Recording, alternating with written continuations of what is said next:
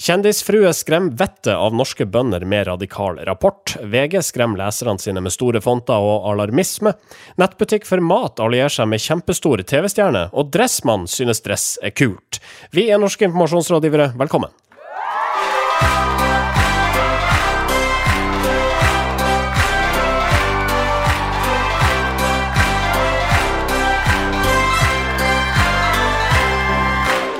Jeg heter Marius Skjerve Staulen. Denne sendinga presenteres av medieovervåknings- og analyseselskapet Retriever. Jeg er ikke alene her. Marius Torkelsen og Sindre Holme, hallais. Hallais. Godt nyttår. Godt nytt. Det er litt seint, er det ikke det? Jo, det føles litt rart. Uh, det gjør det. Men Vi det står bra er- til. Vi er litt seine, Ja. uh, som alltid. Så, så vi kan godt si godt nyttår når vi vil, vi, syns jeg. Ja, det er jo sånn, det er kutyme, det. Er ikke det etikette eller kutyme eller et eller annet? Første gang man møter noen i det nye året, som man vet man møter jevnlig, Ja. så sier man godt nyttår. Ok.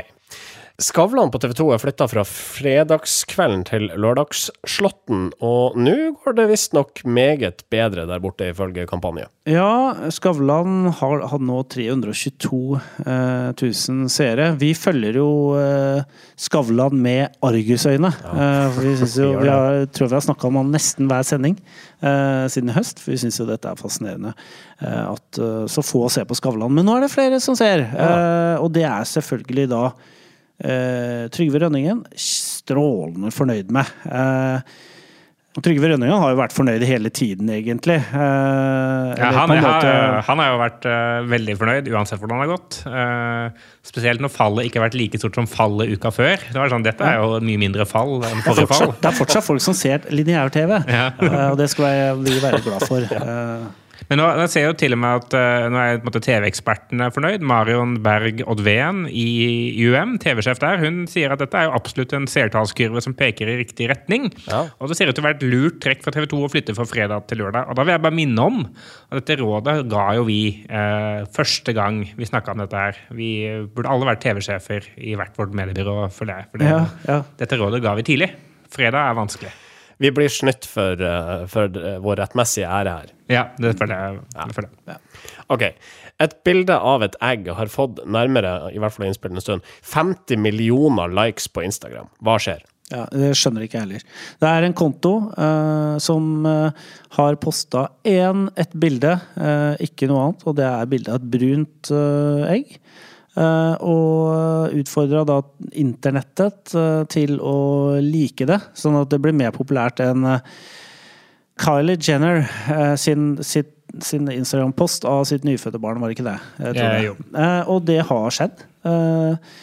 Og dette egget har jo til og med fått kontoen sin verifisert på Instagram, og det betyr jo at man er kjendis. Og nå tar det jo av med egg overalt, har jeg inntrykk. Det, dette er jo egentlig først og fremst bare en måte å måle hvor mange er det som ikke liker Kylie Jenner på. Fordi Jeg føler at det bare er at folk liker egget på trass. Eh, så det er litt sånn trist, Så- det hele, på en måte. At det er så mange som ikke liker henne. Eh, men det er jo mange merkevarer som har hoppa på dette. Det har blitt et såkalla fenomen, da. Så Prior hadde en sånn greie utendørsannonse eh, på Aker Brygge i Oslo. Hvor de hadde da display med et egg.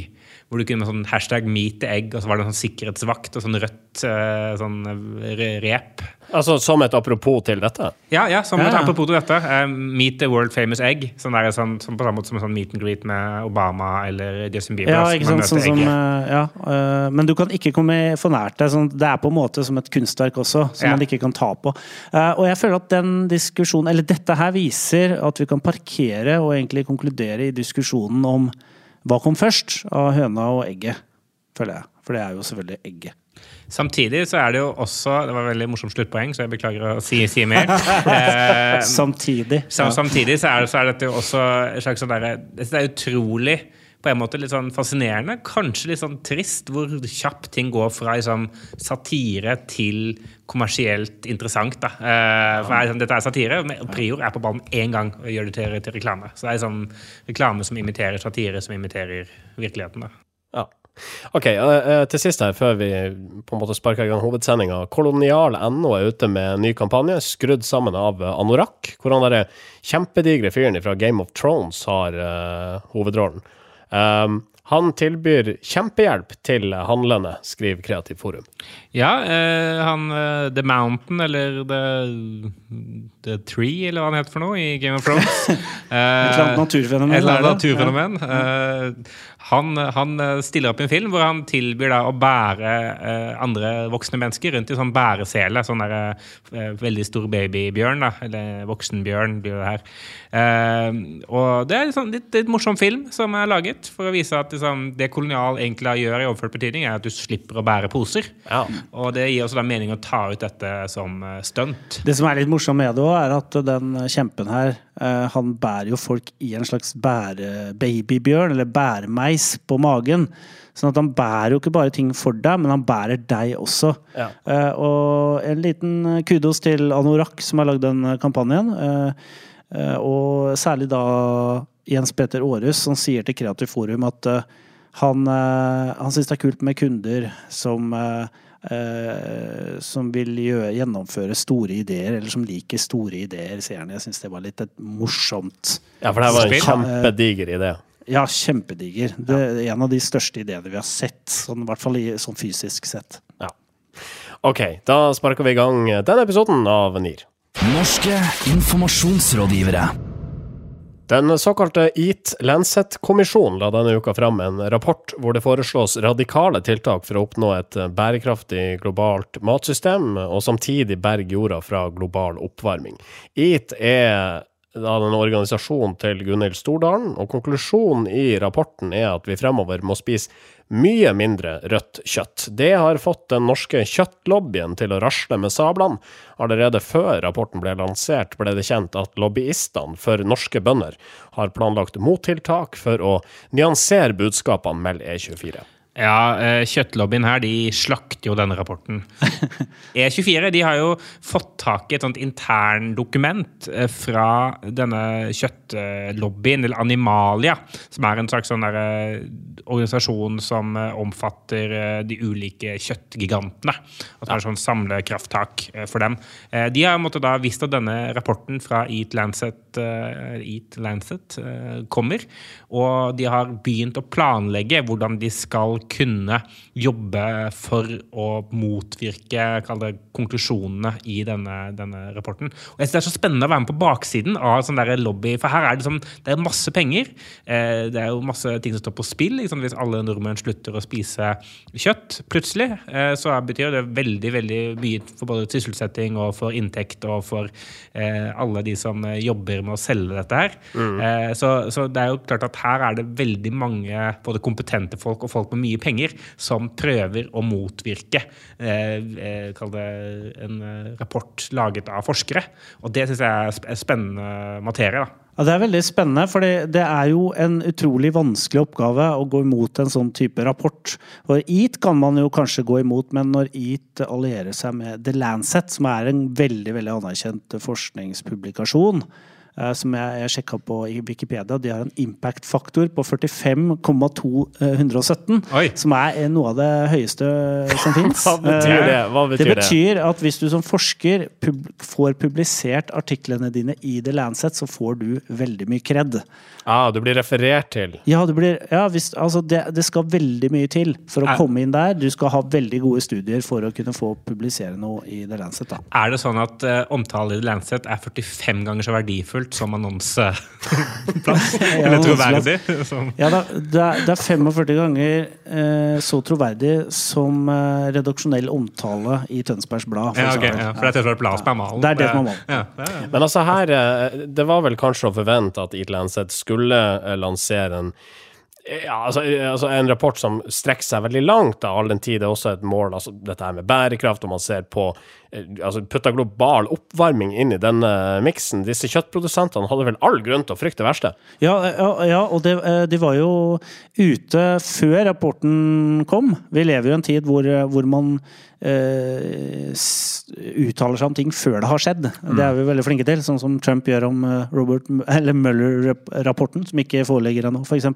Men de sier f.eks. vi skal ikke tilbakevise eller stille spørsmål ved rapportens troverdighet, men vi skal påpeke eventuelle faglige svakheter og avvik mellom internasjonale sammenhenger og tall og norske forhold. Og med det så sier de på en måte implisitt at den rapporten her har ikke tatt hensyn til våre lokale forhold. Den vet ikke så mye om Norge som den vet om eh, hele verden, eh, sett under ett. Så Animalia prøvde liksom dette, prøvde å gjøre det norske forhold så, så annerledes som mulig. Ah, det høres ut som det bøndene bruker å gjøre når de skal selge eh, biff. Ja, altså Alt som er norsk vi må jo huske på det, alt som er norsk og produseres i Norge, er mye bedre enn i utlandet. Ja, ja. Eksempel, norsk olje og gass er jo mye sunnere eh, og mindre miljøødeleggende enn f.eks. annen olje og gass. Eh, og det gjelder visst også da jordbruket. Animalia ønsker å påvirke norske forbrukere, eh, men selvfølgelig sine egne rammebetingelser også, for her vil det jo komme politikere på, på banen etter hvert og, og bestemme eller Sånne rapport, rapport, rapporter får jo konsekvenser for, for lover og regler. Men, så jeg tror Animalet også må ta dette inn over seg. Men de sier jo f.eks. at ok, vi har ikke forutsetninger for å for dyrke så mye nøtter i Norge som et, som et varmere land. For eksempel, vi, vi, må ta utgangspunkt i hvilke ressurser vi har, og hva slags uh, grunnlag vi har for å lage mat. Uh, og, og, de ønsker på, måte, på, den måten å på en måte gjøre dette til en sammensatt problemstilling og veldig vanskelig uh, problemstilling for å på en måte så tvil om at det er så enkelt å gjøre noe med det. Ja, fordi altså, dette er jo eh, hva skal jeg si, sånn, et, å, å, møte, Man vet at en sånn rapport kommer som kan påvirke sitt eget eh, næringsgrunnlag. Ja. Eh, når man vet det kommer, så er det jo veldig riktig og godt kommunikasjonsarbeid da å møtes i forkant, lage en strategi. Eh, det kommer garantert til å være ting som burde nyanseres osv. Eh, og, og måtte planlegge mottrekk for at ikke ting skal bli tolka feil, eller eh, at du skal komme altfor dårlig ut av det. Ja. Så alt det er veldig godt jobba. Det som jo måtte er det som de ikke hadde regna med, tror jeg, var at dette skulle komme ut i forkant. For det eh, tror jeg er med på å svekke noe av innsatsen. Ikke fordi eh, sånn vanlige folk som leser det, bryr seg så veldig. Men jeg så eh, Joakim Lund i, i Aftenposten. Han skrev jo det at fordi han hadde lest den E24-saken, så kom han til å være ekstra skeptisk til alt som kommer fra eh, Animalia og fra kjøtt, kjøttindustrien, som måtte skal nyansere. For han, ved, han mener at dette da er propaganda. Da. Eh, og hvis liksom, journalistene da jevnt over tenker på den måten, så blir det jo vanskeligere for dem å i hvert fall eh, komme med nyanseringer hvis ikke de er veldig veldig, veldig godt begrunna. Mm. Så måtte, der de kanskje kunne kjøpt seg litt tid på å bare komme fram med påstander som ellers ville blitt kjøpt eh, rått eh, og slukt eh, ustekt og utilberedt, så må de nå faktisk hakke opp den pølsa og gjøre den spiselig da, for at journalistene skal svelge den hel. Altså Selv om vi vet nå at kjøttbransjen lobber, så er det ikke noe galt i at kjøttbransjen, hvis de i den grad de klarer å finne ting å pirke på i rapporten, at de påpeker feil. Og det må vi forvente at Joakim Lund og resten av media også klarer å gjengi. Absolutt. Og jeg tror, bare, jeg tror, bare, journalister generelt sett ikke liker å bli lobba, Nei. Eh, selv om de blir det hele tida. Eh, så når det da blir så åpenbart eh, og blir omtalt at de kommer til å bli lobba før i det hele tatt konklusjonen av rapporten ligger framme, ja. så blir det, sånn, det blir sånn ekstra ryggmargsrefleks, så blir de ekstra kritiske. Ikke sant? Når den lobbingen er så tydelig for alle andre, så må de være enda mer kritiske. Ja. Ja. Jeg liker ikke konklusjonene i denne uh, rapporten. Altså, kjøttmiddag bare to ganger i måneden skriver Dagbladet. Og vi må, også, eh, vi må, også kutte ned betydelig på inntak av fisk. Så nå ble jeg tvunget til å spise ting jeg ikke vet hva er. Men det, det er jo bare hvis vi har lyst til å overleve som, eh, som art. Ja, og det, det, og det, er ikke sikkert vi skal. Nei. Uh, er mennesker så jævlig bra, da? Egentlig er det jo ikke så veldig vanskelig, Marius. For jeg tenker nordmenn er jo vant til å gå søndagstur. Så istedenfor å bare gå på søndagsturen, så bør vi plukke med oss litt myrvann og litt vekster på veien. Ja. Så har vi til middag resten av uka. Vi får se, da. Vi får se. vi får se. Vi drikker vann her i studio. Ja. Uh, ikke kjøttbuljong, sånn som vi pleier. Ja, Norske informasjonsrådgivere. Mediene må ta sin del av skylda for at folk går rundt og er redd, det mener skribent Aslak Nore.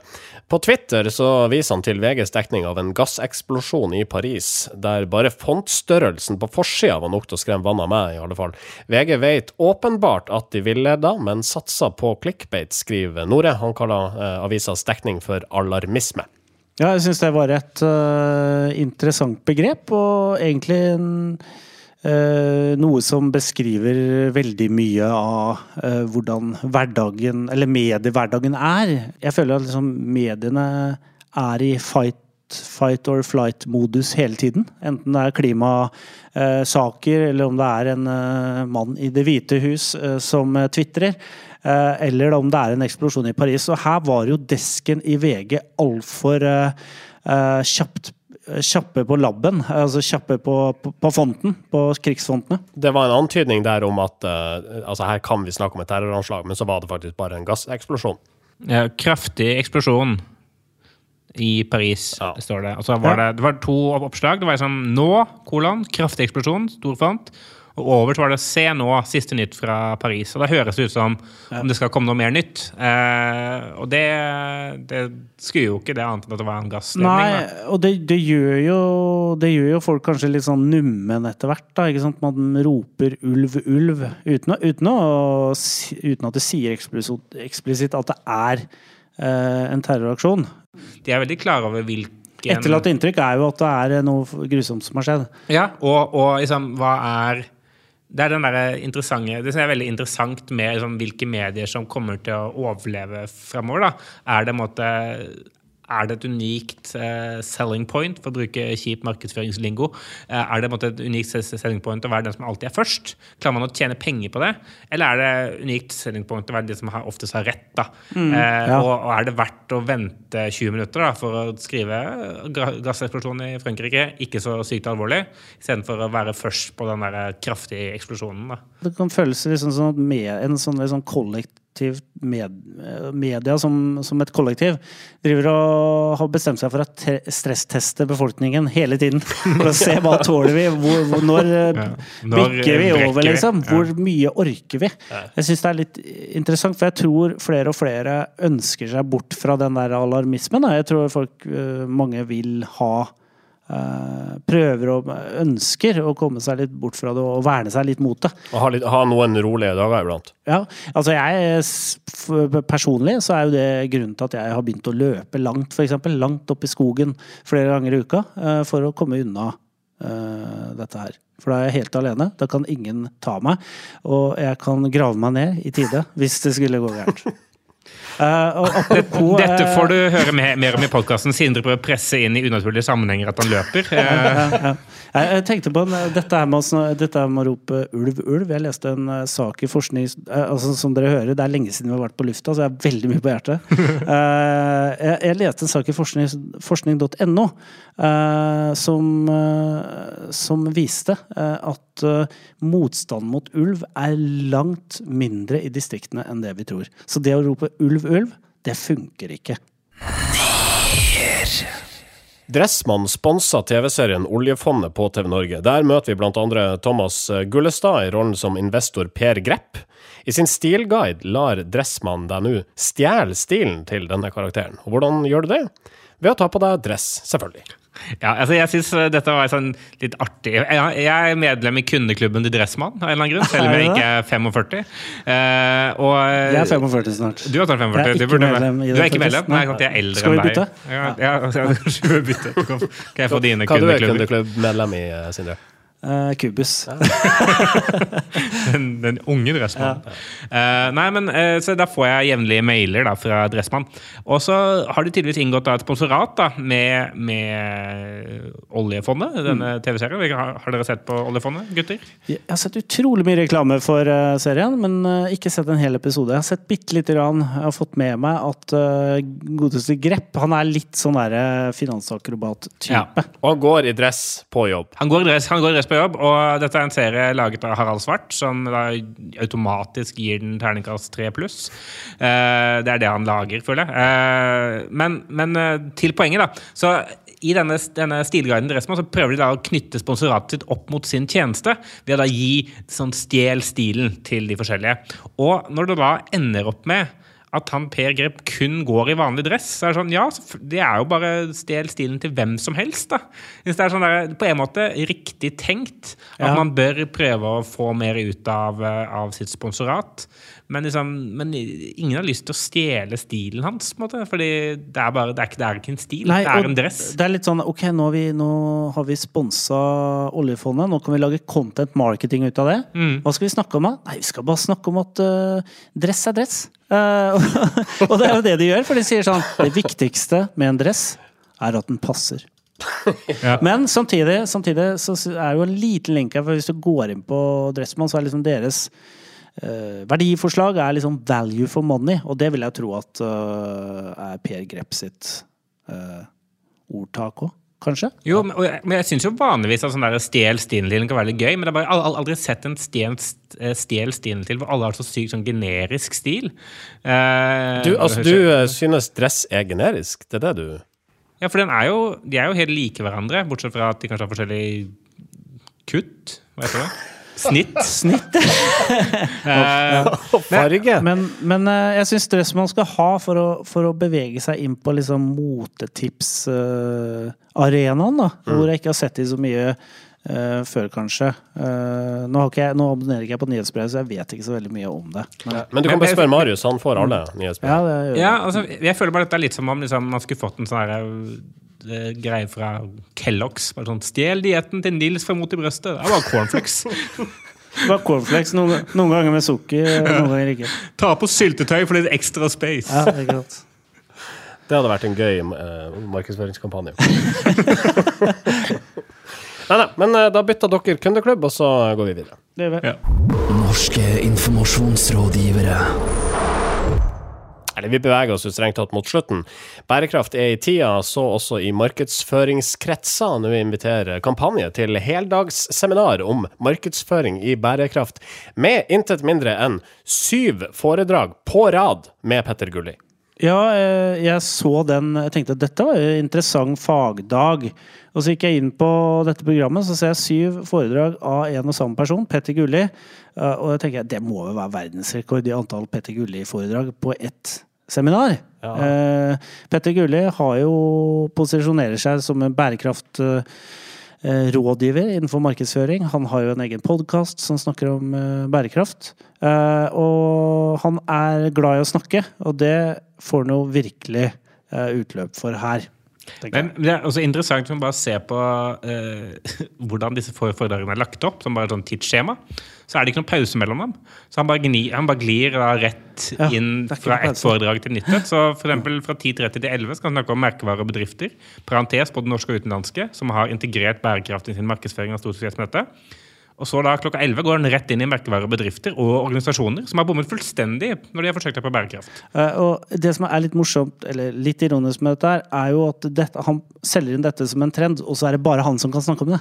altså, altså, da, eh, det burde jo vært seks andre eh, kunder som, eller hva det nå er, eksempler, som ville vært eh, brukt i dette seminaret. Men så lenge det er Det er litt vanskelig å prøve å gjøre eh, ja, og jeg finner ikke ordtaket, Nei. men, uh, men uh, En fjær til fem hauts. ja Ja, ikke sant? Det er vanskelig det når du bare er én gullig. Ja, ikke sant? Fjær til en kyllingfarm når du bare er en fjær. Vi skal sette en strek, tror jeg. Det skal vi. Marius, du skal ut og gjøre standup. Jeg skal gjøre standup uh, nok en gang på en scene. Ja. Og Sindre, du skal ut og eh, springe i panikk i skogen. Ja, eh, det skal jeg. I morgen skal jeg isbade først. eh, Og så skal jeg ut og springe i panikk etterpå. Ja. Lykke til med det. Tusen. Løp bort angsten, Sindre. NIR eh, spilles inn i studioene til moderne media. Et av landets største produksjonshus for podkasts. Du finner dem på modernemedia.no. Oss finner du på facebook.com slash nirkast, soundcloud.com slash nirkast. Jeg merker at nå begynner jeg å bli lei av å si det samme på slutten, så jeg tror jeg varierer det til neste uke. Eh, men vi høres altså neste fredag, og frem til da Ha, det, bra. Norske informasjonsrådgivere.